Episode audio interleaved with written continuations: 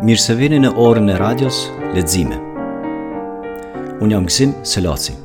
Në Lexime flasim me autorë, përkthyes, studiues e lexues për libra të botuar në gjuhën shqipe nga shkencat shoqërore e humane. Kjo është pjesa e dytë e diskutimit të librit Leximi kritik i tekstit një, Kritikë e arsyes islame, të redaktuar dhe të përkthyer nga unë Gëzim Selaci dhe Abdullah Rexhepi. Me ne është Sead Zimeri, ligjërues i filozofisë në Universitetin e Tromsës, universitetin arktik në Norvegji. Sead, në esenë e tij Kultura shkencore dhe mjerimi i mjedisit fetar, që është pjesë e këtij libri, filozofi Sadik el-Azm konstaton jo vetëm një tension, por për më tepër një raport përjashtues në mes doktrinave fetare dhe dijes shkencore moderne. Ai diskuton disa përpjekje të mendimit fetar bashkëkohor për të gjetë zgjidhje se si të pajtohen feja dhe shkenca me njëra tjetrën. Ato janë katër zgjidhje. E para, përpjekja për t'i paraqitur doktrinat fetare të pajtueshme me dijet shkencore, me ç'rast pretendohet se nuk ka kundërthënie në mes doktrinave fetare dhe dijes së shkencës moderne, E dyta, mohimi i teorisë dhe dijeve shkencore dhe tërheqje brenda pikëpamjes fetare me qëllim që ajo të ruhet me çdo kusht. E treta, kjo zgjidhje bën dallimin në mes dimensionit historik ose kohor dhe dimensionit të amshuar ose shpirtëror të fesë në anën tjetër, duke ofru zgjidhjen se çdo doktrinë fetare që ka të bëjë me natyrën dhe historinë, bie në dimensionin kohor dhe si e tillë duhet t'i lihet në tërësi shkencës. Ndryshe nga kjo, dimensioni shpirtëror, transcendent e mistik i fesë nuk ka të bëjë fare me shkencën, dhe ky dimension është i rezervuar për fenë. Kurse metoda dhe prova shkencore nuk ka të bëjë asgjë me këto. Dhe zgjidhja e katërt, ose propozimi i katërt, Është zgjidhja e ofruar nga filozofi William James në esenë e tij The Will to Believe, ose Vullneti për Besim, që do ta shtjellojmë më vonë. Sidoqoftë, Al-Azmi argumenton se gjitha këto dështojnë të gjejnë zgjidhje koherente. Cilat janë kritikat e Azmit për këto? Fillojmë me radhë. Sead, zgjidhja e parë dhe si e kundërshton Al-Azmi këtë zgjidhje?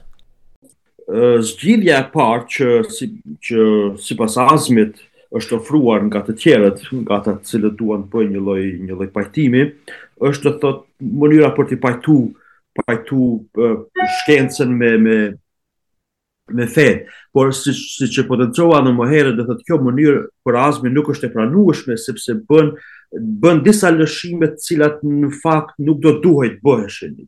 për shembull feja flet për për për, për krijimin e Ademit dhe Havës nga balta, dhe nëse e braktisim këtë thot el-Azm në dobi të një të një teorie shkencore ose do thot nëse projektojmë një teori shkencore në interpretimin e kësaj, atëherë pyetja që ai është është shtron është pse të mos i braktisim edhe çështje të tjera të fesë. Kuptin?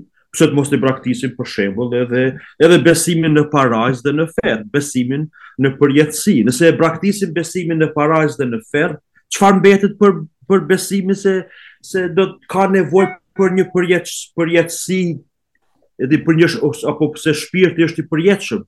Do thotë hum krejt kuptimi, krejt vlera, e e e fesë në një farë mënyre, do të thotë, nëse vazhdojmë me këtë lloj braktisjesh. Edhe kështu që Azmi e quan këtë një lloj llafazanerie rreth frymës fetare, e di. Është përpjekja. Pra, por kjo në zgjidhjen e parë ka disa disa forma të pajtimit, do thotë, disa. Kjo është përpjekje zgjidhja e parë, do thotë përpjekje për me pajtu fenë dhe shkencën në në individ. Ë uh, Kjo zgjidhje megjithatë pranon që feja bën disa lëshime ndaj shkencës, por duke ngul këmbë që feja t'i ruajë të paprekura parimet dhe doktrinat themelore të saj. Mirëpo kjo përpjekje për pajtim, thotë autori, nuk nuk ia del të pajtojë, por reduktohet në nivel retorik, përligjës dhe arbitrar. Çfarë do të thotë kjo? Do thotë, pajtimi mund bëhet sipas sipas Azmit pajtimet që janë ofruar janë pajtimet retorike, pajtimet përligjëse dhe pajtimet arbitrare. Një pajtim retorik sipas tij, do thotë pretendon që nuk ka asnjë kundërshtim mes fesë, fesë dhe shkencës. Por Azmi thot ky pajtim megjithatë mbetet shumë në nivel të në nivel të përgjithshëm, në nivel nuk hyn aspak në detaje. Edhe edhe kur shtrohet si një një një në nivel të këtillë përgjithshëm, e di kur thua që është e di se shkenca dhe feja nuk janë nuk janë në kundërshtim ose që që që që feja thotë të vërtetën, shkenca e thotë të vërtetën, kështu që nuk mund ta kundërshtojë njëra tjetrën, edhe thotë Azmi po kush kush mund ta shtrojë, kush mund të dalë kundër një qa, një qasje të këtillë, e di, nuk mund të dalësh kundër nëse feja thotë të vërtetën, nëse shkenca thotë të vërtetën, atëherë është është nuk nuk ka nuk ka kuptim të dalësh kundër tyre, se thua se je kundër shkencës, kundër kundër të vërtetës, kundër të mirës, edhe po këta si qasje mbeten shumë përgjithësues, përgjith përgjithësuese. Ne e përmendëm do thot më herët krijimin e Ademit nga Balta. Po, nëse ky krijim Po a Azmi shtron një është është e shtron këtë problem edhe nga një aspekt tjetër. Le të themi që që do thotë që kjo është një tregim i vërtetë, do thotë krijimi, do thotë rasti i krijimit të njeriut të parë është është Zoti e krijoi e krijoi nga balta. Ëm thotë Azmi, nëse kjo kjo kjo ky tregim është i vërtetë, atëherë tregimi shkencor nuk mund të jetë i vërtetë.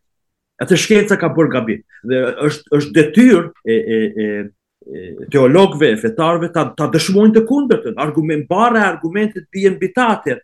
Nëse se, ose se nëse se kur hyjmë në detaje në në detaje feja thotë një send, shkenca thotë një send krejtësisht të kundërt, të kundërt, të dyja nuk mund të jenë të vërteta. Njëra E ka gabim. Cila e ka gabim atëherë barra?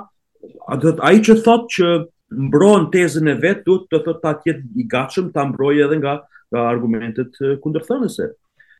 Do thotë, pastaj është çështja siç e thamë më herët, të dinë nëse nuk ka, nëse nuk ka në, këtë, në, në, në nivel të përgjithshëm kundërshtim Kundërthënie, çka si si t'ia bëjmë punën e xhindëve, engjëjve, shejtanit, Harutit, Marutit, Jexhuxhit, Mexhuxhit, i shtron ai këta pikë të gjitha. ë uh, Do thotë mbeten këta mbeten çështje të cilat uh, janë të çuditshme, janë të janë të thjesht të papranueshme për shkencën, edhe pse janë pse pse gjejnë vend në në në në në korpuset fetare edhe në librin edhe më të shenjtë. më të shenjtë të islamit, megjithatë mbeten, mbeten çështje krejtësisht të huaja, nuk ka shkencëtar do thotë që mund, mund ta pranojë, mund, përderisa i mbetet, dëshiron të mbetet shkencëtar, ekzistencën e këtyre lloj krijesave. Uh, prandaj përfundon, përfundon Azmi këtë pikë, këtë pajtim, është, kështë të kjo është pajtim retorik, dhe bën në fakt edhe një ngre edhe një akuzë kundër këtyre njerëzve thotë se këta në vërtetë nuk dinë gjë për shkencën moderne dhe metodologjitë metodologjitë e hulumtimit shkencor. Përderisa mbeten në këtë në këtë nivelin jashtë jashtëzakonisht abstrakt të përgjithshëm, mund thuhet se din është është një lloj retorike të cilët e bëjnë për interesat e tyre, por por në thelb kur fillon ta ta ta zbritësh në tokë kur të hysh në detaje sheh që nuk ka asgjë, nuk, nuk ka, do thotë, nuk është është një qëndrim, një lloj uni, një lloj një përpjekje për ta unifikuar fenë dhe shkencën por është pa asnjë substancë. Do thotë nuk nuk mund nuk mund ta pranojmë këtë thotë as me një fjalë. Pajtimi i dytë, në do thotë nën pikën 1 është që ai e quan pajtimi përligjës, pa, përligjës dhe pajtimi justifikues, ha. Dhe pajtimi tjetër, pika 3 do thotë nën pikën 1 është një lloj pajtimi arbitrar që e quan kjo do të mëshirohet në nxjerrjen e të gjitha shkencave që mëshirohet, do thotë në pikën që të gjitha shkencat janë të nxjerrura nga Kurani, ja? Edhe do thotë Azmi diskuton dis sjell aty ai disa autorë që e, e, e mbështesin këtë vendim, që mundohen do thotë ta ta ta shndërrojnë Kur'anin nga një libër fetar shpirtëror në një libër ku aty gjen do thotë të gjithë së paku burimet disa të vërteta shkencore të cilat nuk janë janë të pakontestueshme dhe të cilat do thotë e di ti si besimtarë kemi ne për obligim me i marr Por njëkohësisht do thotë që kjo i jep edhe legjitimitet fetar shkencës, por edhe e mundëson, e mundëson këtë kalimin e këtyre kundërthënjeve mes fesë dhe shkencës, do thotë e di. Uh, si rrjedhojë pra, ata ata gjejnë aty fakte shkencore nga më të paima, më të paimagjinueshme, do thotë fakte shkencore aty e gje fillon e gjen për shembull teorinë e Darwinit, ata të cilët vetëm kanë filluar dyshojnë në historinë e krijimit, aty gjen teorinë e teorinë e Newtonit, hm? aty gjen pastaj në kundërshtim me teorinë e Newtonit gjen teorinë e relativitetit të Einsteinit, aty gjen do thotë çdo gjë, çdo përgjigje të mundshme shkencore që ti të kërkohet e gjen në librin e në librin e shenjtë. Por Azmi ka disa pyetje më konkrete, por se e ke parasysh të thënë jemi edhe jemi në këto një lloj abstraksione, përgjithësime. Po Azmi shtron pyetjen për shembull thotë po çfarë si ta shpjegojmë atë zjarrin i cili befas u shndërrua në të ftohtë dhe shpëtim për Ibrahimin në në një në një një tregim kuranor ku ku Ibrahimi një një profet i, i Zotit hudhet në zjarr dhe Zoti ndërhyn dhe e bën zjarrin e ftohtë. Zjarri i cili djeg. Cili shkencëtar thot Ibrahim thot Azmi është i gatshëm ta pranojë një gjë të këtillë si si si një si një si një si një teori shkencore që mund do thotë e di të mbështetet me fakte dhe argumente shkencore. Apo apo e sjell një argument një një një tregim tjetër kuranor, për shembull kur flet për yjet me bisht për të goditur xhindët, teksa ata tentojnë uh, të ngriten në qiell për të përgj përgjuar bisedat e engjëjve. Do thot mënyra se si astronom, si as, cili astronom në botë do thot cili astronom me nder, me, me, me, me respekt për veten, për shkencën e tij, për metodologjinë e tij, mund ta pranojë një shpjegim të tillë që që yjet me, yjet me bisht, do të thotë janë në një farë mënyre goditje për për xhindet, teksa ata ngriten në qiell për të përgjuar bisedat mes engjëjve. Uh, kjo është ajo zgjidhja e parë për të cilën Azmi mendon se nuk ka asnjë peshë, asnjë kredibilitet, as racional, as shkencor, as argumentativ. Kështu që është zgjidhje, është, është retorike, arbitrare, e shumë e përgjithshme, është zgjidhje që nuk ka asnjë peshë, nuk mban asnjë peshë, edhe si rrjedhojë do të dështon për me, për me, me, me kriju këtë përputhshmërin, me tejkalu këtë, këtë disonancën, kundërthënien mes... Mes fesë dhe shkencës. Zgjidhja e dytë që si duket Al-Azmi e vlerëson se nuk meriton të diskutohet gjatë. Cila është? Është mohimi i plotë i shkencës dhe teorive dhe metodave shkencore. Dhe do thotë se çdo gjë çka vjen nga shkenca e din është është e shikon a priori me dyshim dhe thu nuk mund të jetë e vërtetë kjo e din. Nëse Zoti ka thënë për shembull që zu, që njeriu u krijua që njeriu i parë në tokë është Ademi dhe gruaja e tij, ose nëse nëse gjehet arku nëse lexohet për shembull si Bin Bazi e lexon që toka është e rrafshtë e rrafshtë jo, jo sferike, Atëherë është është është si besimtar qëndrimi i vetëm konsistent do të ishte që ta refuzosh çdo teori, çdo argument, çdo çdo çdo postulat tjetër, edhe që pretendon të kundërtën, e din. Por tash mundet mund ta pranojë dikush këtë, e din, por megjithatë kjo është kjo kjo është një një formë thotë Azmi një formë e ikjes nga realiteti. Është një lloj vetëvrasje, vetëvrasje intelektuale dhe moderne. edhe mendore. Nuk është ka ka njerëz të cilët kuptohet, ka disa fundamentalistë radikalë ndoshta që e marrin edhe këtë si zgjidhje, por do të sigurisht do të jetë një numër krejtësisht i vogël dhe me pa pa ndikim të gjerë në shoqëri. Por shumica do thotë për shumicën kjo nuk është zgjidhje, është një zgjidhje do thotë krejt ikje nga realiteti. Pa pa pa pa pa, pamendueshme në një farë mënyre me pranu këtë si zgjidhje reale. Zgjidhja e tretë, zgjidhja e tretë duket me qenë më e zgjuar, si me thënë, se dy të parat. Ajo bën një dallim duke pohuar se njohja racionale shkencore dhe njohja shpirtërore e transcendentale fetare janë aspekte të ndryshme të njohjes dhe përjetimit njerëzor dhe si të tilla ato duhet të mbahen të ndara. Ato nuk e përjashtojnë njëra tjetrën, megjithatë, kjo zgjidhje nuk është gjithaq edhe qëndrueshme ose bindëse për Al-Azmin. Dhe është është dallimi ndërmjet dimensionit, bëhet dallimi, do thotë, bëhet bëhet një dallim mes dimensionit kohor dhe atij shpirtëror, atij të amshum, ëh, do të jo kohor, jashtë kohor, transcendental. Do thotë, këtu këtu potencohet se njohja fetare dallon cilësisht dhe radikalisht nga njohja njohja shkencore dhe intelektuale. Andaj nuk mund të flasim për për aplikimin e, e, e shkencës dhe, dhe, dhe logjikës në domenin e njohjes fetare. Dhe një nga një nga ata të cilët e kanë e kanë zhvilluar këtë metodë sipas Azmit është është Bergsoni në në, në librin e tij Dy burimet e moralit dhe fesë. Bergsoni krahason merr si si si, si piknisje eksperiencën e mistikut dhe e bën një krahasim në veprën e tij me me eksploruesin David Livingstone, që ka udhëtuar në xhungullat e Afrikës dhe ka zbuluar që që ka ka zbuluar liqenin e burimit të Nilit në një vend në Afrikën. Dhe pastaj ai në mënyrë analogjike do thotë thotë që edhe në një farë mënyre edhe mistiku mistiku po mund mund ta përgjithësojmë këtë edhe për fetarin, edhe për fen, feja ka format e veta të njohjes. e gnosticizmit ndoshta.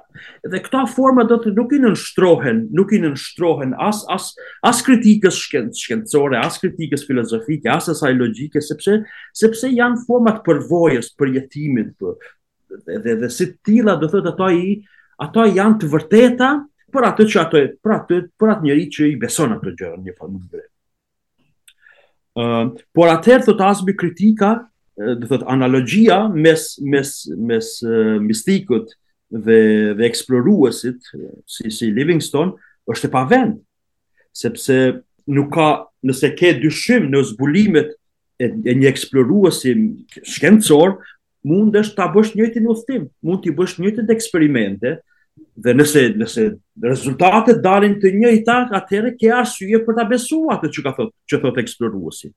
Por si t'ja bëjmë, si ja bëjmë do thotë për mistikun. Aq më tepër kur e dim historikisht me fakte pa pa pa përgënjeshtrueshme që ajo që e thotë një mistik mohohet nga një tjetër. ose ose udhëtimet e tyre do thotë të vërtetat që ata i zbulojnë mbeten aq aq personale, aq subjektive se që është vërtet e pamundur me i verifiku ato si të vërteta.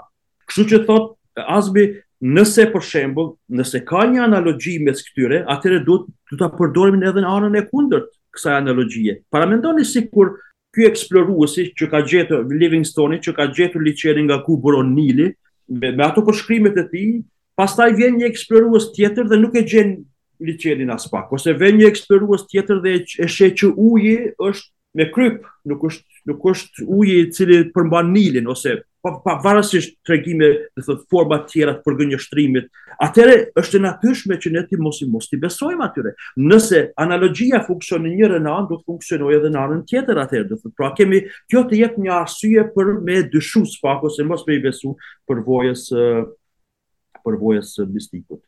So, pra, dëshmija e mistikut për natyrën e Zotit, pra është gjithmonë në një farë mënyre, pastaj është gjithmonë e ngulitur në, në eksperiencën dhe trashëgimisë fetare të cilës ai përket. Vetë fakti që zbulimet, vërtetat e tij, dalin të jenë, të njëjtat vërteta të cilat vetëm i përkasin traditës nga cila ai vjen, tregon që ekziston një lloj mendimi qarkor aty, e dëshmon atë që ai vetëm e pretendon prej fillimit. Kështu që nuk nuk ka asnjë peshë peshë kognitive epistemike si e tillë. Pra pra pandeh atë që dëshiron ta dëshmojë se ekziston. Përndryshe thotë Azmi edhe udhëtimi vetë nuk do të kishte kurrfarë kuptimi, atë nëse nuk nëse do thotë një si mistik nisesh për një udhëtim të tillë për gjet diçka që, që vetëm nuk e nuk e që nuk e din, atë nuk do të nuk ta merr merr kuptim aspak. Po ashtu te kalon Azmi ka diskuton në mënyrë mjaft precize faktin, disa fakte të cilat janë shumë interesante besoj unë dhe dhe të cilat në një farë mënyrë lidhen drejtpërdrejt me temën për të cilën po flasim, është se thuhet, pretendohet, din që diskurse një nga një nga postulatet për shembull e, e diskursit fetar, është që kur bisedohet për Zotin, për shenjtën, është që ata Zoti është është çdallon dallon nga çdo gjë tjetër që ne jo. Është aq i ndryshëm saqë ne nuk mund as ta imagjinojmë, as ta përfytyrojmë, as ta paramendojmë, as as do thotë nuk kemi asnjë lidhje me një farë mënyre sa herë që sa herë që krijojmë një përfytyrim për Zotin, menjëherë duhet ta dimë që është diçka krejtësisht tjetër.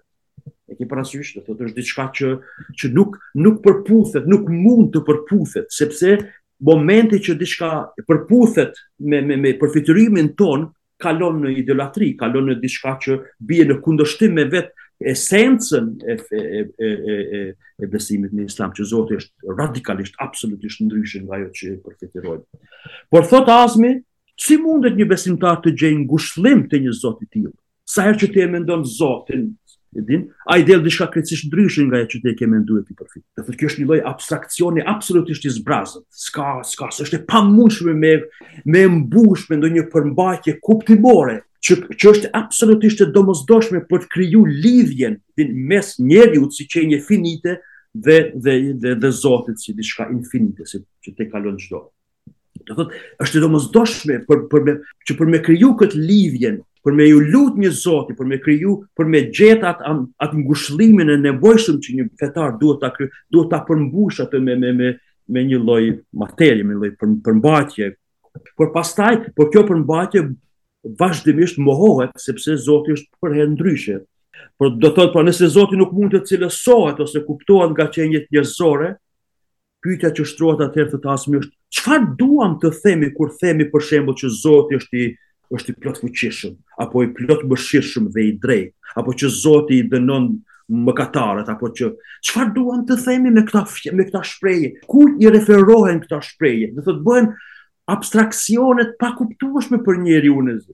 Zoti është i plotmëshirshëm, e njëkohësisht Zoti është absolutisht ndryshe. Si mund të jetë Edhe i plotmëshirshëm, edhe i, i drejt dhe absolutisht ndryshe. Tash çka çka nënkupton kjo fjala absolutisht ndryshe, do thotë. A është absolutisht ndryshe? A nënkupton kjo do thotë që është absolutisht ndryshe në kuptimin që është i plotmëshirshëm, po dhe jo i plotmëshirshëm. Është i është është i drejtë, po dhe edhe i padrejtë. A është kjo do thotë një mënyrë ndoshta aq kontradiktore për shembull që që Zoti edhe edhe të dënon me një dënim të përjetshëm, ë, një një pabesimtar i cili ka është pabesimtar dhe dhe njëkohësisht, njëkohësisht do thotë e shpëton nga vuajtjet, nga dënimet një besimtar pavarësisht mëkateve të tij. E ke parasysh do thotë ekziston kjo loja me, me një lojë fjalësh këtu, ë? Zoti është i gjithëmëshirshëm Zoti është i gjithëdijshëm Zoti, njëkohësisht si mund ta kuptojmë këtë? A mund ta kuptojmë në, në analogjin për shembull që Zoti është i gjithëdijshëm që ai di për shembull un kam dituri por dituria ime është e kufizuar gjithëdijshmëria e Zotit do të thotë që ai tejkalon çdo lloj kufizimi por nëse është Zoti krejtësisht ndryshe megjithatë kjo s'ka shumë kuptim për Azmin Ky lloj pajtimi është është një lloj anarkizmi, anarkizmi intelektual. A sikur të thuash për shembull thot ai e diskuton këtë çështjen si është në që në parajs ka beqarë të martuar.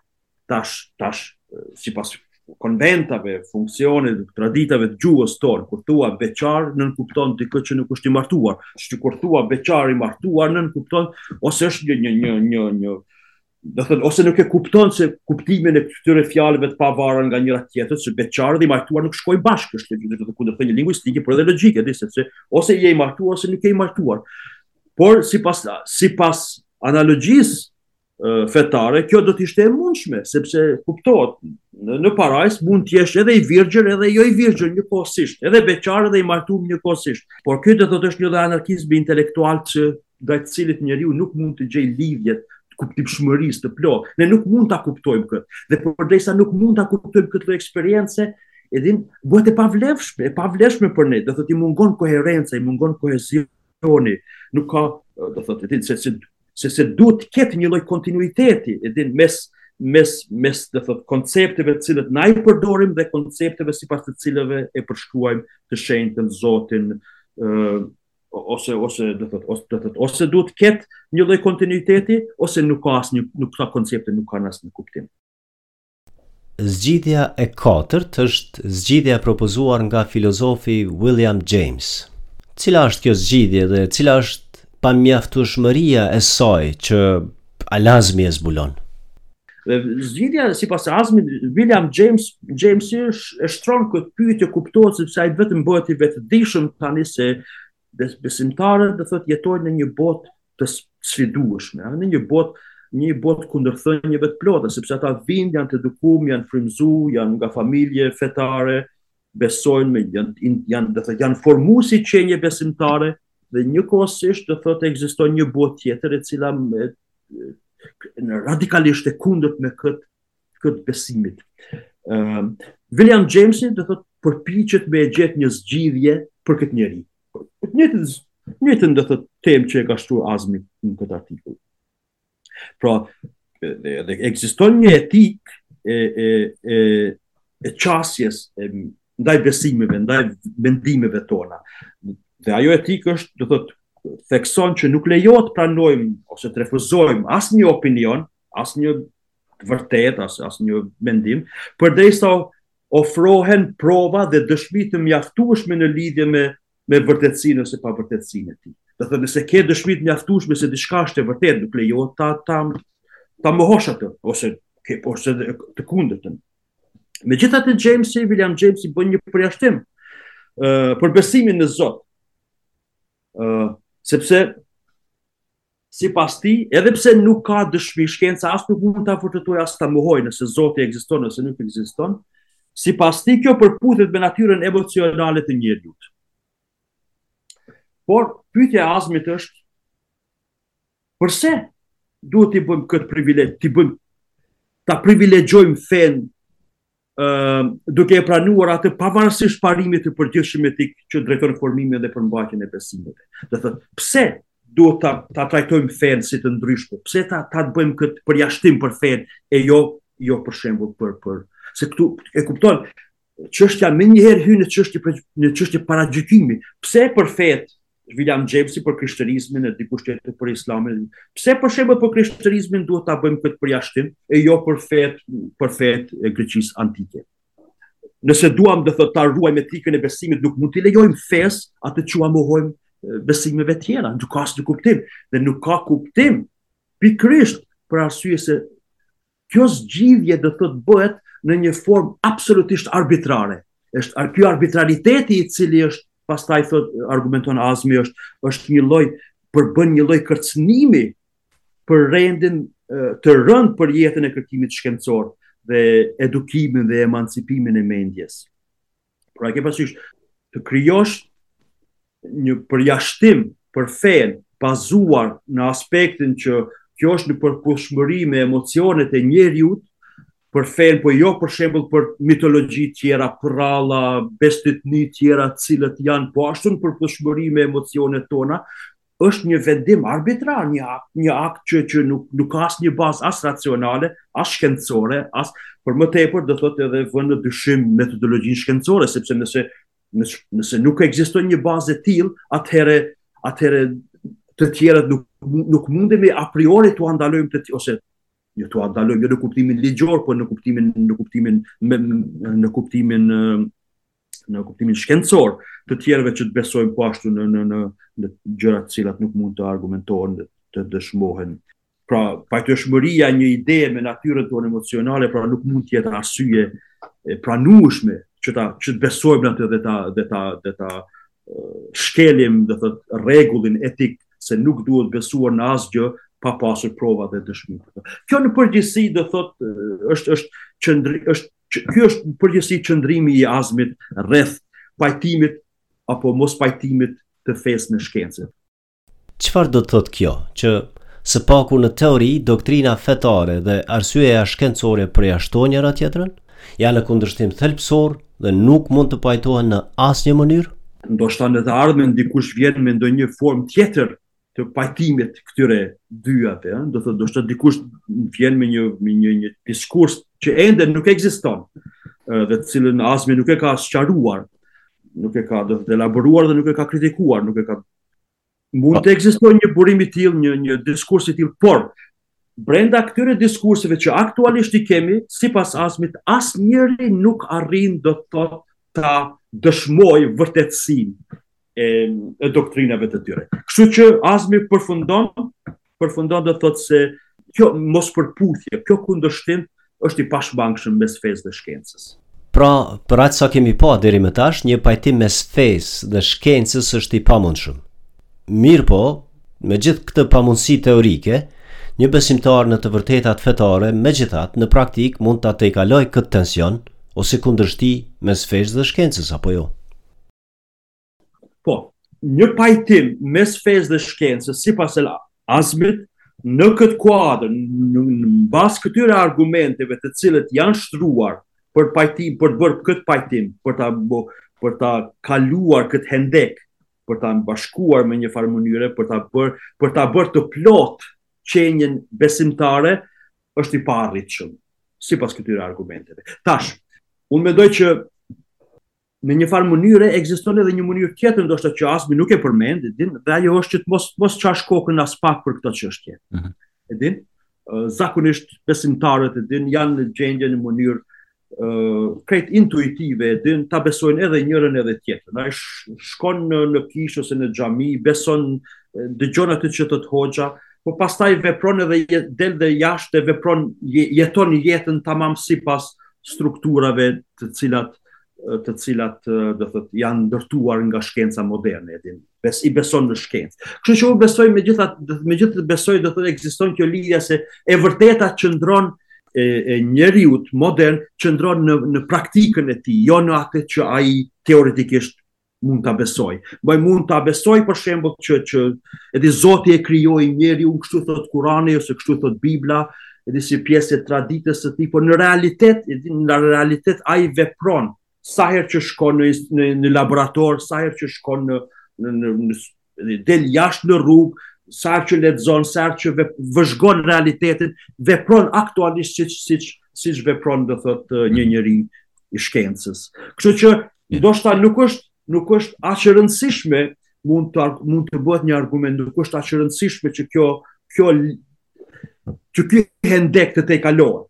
mundet. Por megjithatë, megjithatë, nëse kur shtrohet si pyetje, do thotë se a ekziston ose nuk ekziston, kur shtrohet si pyetje e të vërtetës së fesë mhm. dhe të vërtetës së shkencës, atëherë atëherë besoj që që Azbi ka shumë të drejtë se nuk ekziston me sa me sa unë arrij ta shoh, nuk mund të ekzistojë asnjë asnjë lidhje përputhshmërie mes mes këtyre dy. Mund të ekzistojnë, kuptohet, po vazhdimisht ato kanë ato pasojat pasojat e tyre negative, do të thotë kur e bën një kur kur bën një një lloj përputhje të këtillë, zakonisht përfundon duke e përligjur një sistem aktual. Hm?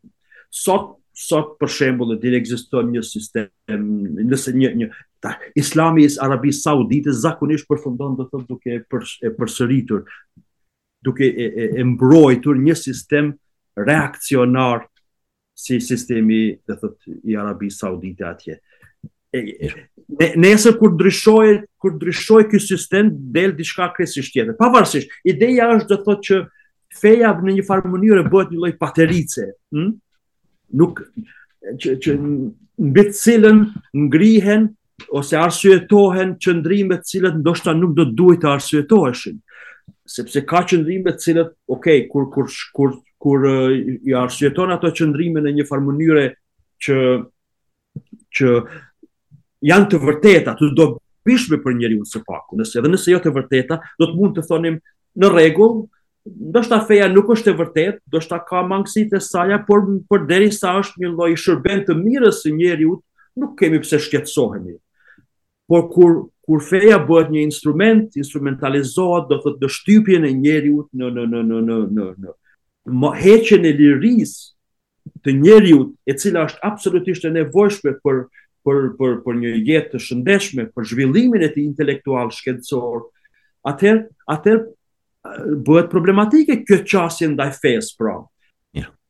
Azmi do të thoshte se në fund e ditës në fund është është është është uh, bindja secilit vet, secili duhet ta marrë vendimin e vet se çfarë çfarë është e arsyeshme për të. Por nëse dëshiron do thotë një qasje një qasje konstruktive, një qasje koherente, nëse nëse nuk dëshiron që të bëhesh një lloj skizofreni kulturor, E ti do thotë ta besosh, ta besosh edhe edhe që njeriu është i krijuar drejtpërdrejt nga Zoti ose edhe ta besosh njëkohësisht që teoria e evolucionit në fakt është i vetmi shpjegim aktual së paku për metodën e shkencës, atëherë atëherë do thotë din se kërkohet një lloj një lloj marrje vendimi që është që është dhe kuptohet për Azmin e vetmja formë e mendimit që është e arsyeshme në këtë rast është që ta pranosh atë që ka argumente mbi të cilën ti je i bindshëm se ekzistojnë argumente të mjaftueshme do thotë ajo ajo ai principi etik i William Jamesit që të mos besosh asgjë që nuk mund ta argumentosh në një farë forme ose mënyre. Mirë, atëherë, Sead Zimeri, faleminderit shumë që na u bashkove për të diskutu librin Kritikë e Arsyes Islame, duke u përqëndru veçanërisht te shkrimi i filozofit Sadik Al-Azm, Kultura shkencore dhe mjerimi i mendimit fetar. Faleminderit për ftesën, Gzim. Ora e radios Lexime është një podcast që realizohet në bashkëpunim me Sbunker dhe Kuvendin e Sociologjisë. Këtë podcast mund ta dëgjoni në sbunker pikë net dhe në YouTube, si dhe mund ta ndiqni në iTunes, Spotify dhe Google Podcasts. Për sugjerime na shkruani në lexime at sbunker pikë net.